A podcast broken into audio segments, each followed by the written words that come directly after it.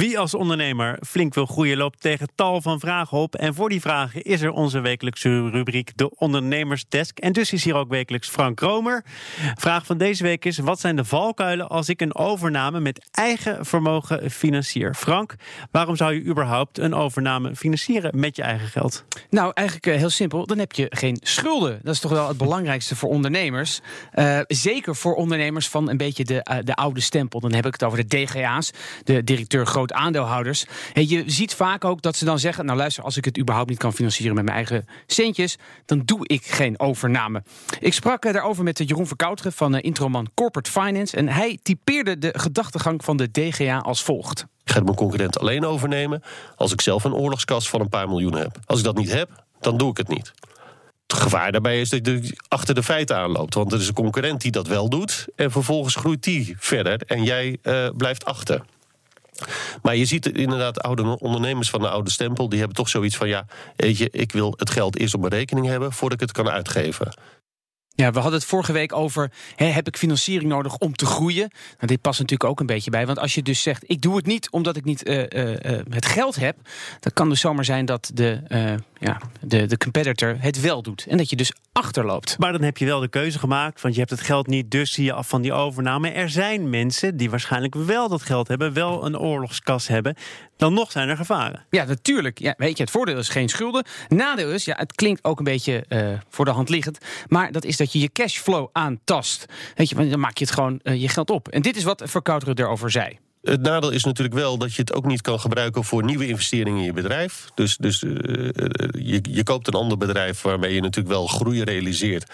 Maar stel dat je ook zegt van nou goed, als ik, al, als ik het extern had gefinancierd, had ik met mijn eigen geld nog investeringen kunnen doen, bij wijze van spreken. Ja, ik moet dan altijd te denken aan mijn eigen vader. Die ging een keer zijn oh. huis verbouwen. Ja, okay. je moet vaak aan je familie denken. Die ging zijn eigen huis verbouwen met zijn eigen geld. En ik heb jarenlang moeten aanhoren dat hij daarmee zijn cashflow had aangetast. En dat hij problemen uh, had. Want ja, het geld was uitgegeven. En het is makkelijker om geld uit te geven dan het te sparen. Maar achteraf, ja, we duiken nu eventjes in de familie Kromer. Is het nou voor hem een goede beslissing geweest? Nee, achteraf heeft hij er echt heel veel spijt van gehad. Dus niet alleen kijkend naar je eigen vader, maar wat zou jij zeggen? Leen dat geld dan voor die overname? Uh, ja, ik op dit moment zou ik zeggen waarom niet? Want een bijkomend voor of een bijkomend probleem van het financieren met eigen vermogen is de prijs die je betaalt. En het heeft natuurlijk ook maar met de rente te maken. Verkouteren die legt het uit aan de hand van een rekensom. Het is ook relatief duur. Want dat geld voor jezelf wil je laten renderen natuurlijk. En op het moment dat je bankfinanciering doet, ja, heel simpel. Als jij een miljoen leent bij de bank uh, en je betaalt daar, ik noem maar wat, 4% rente over, is dat 40.000 euro.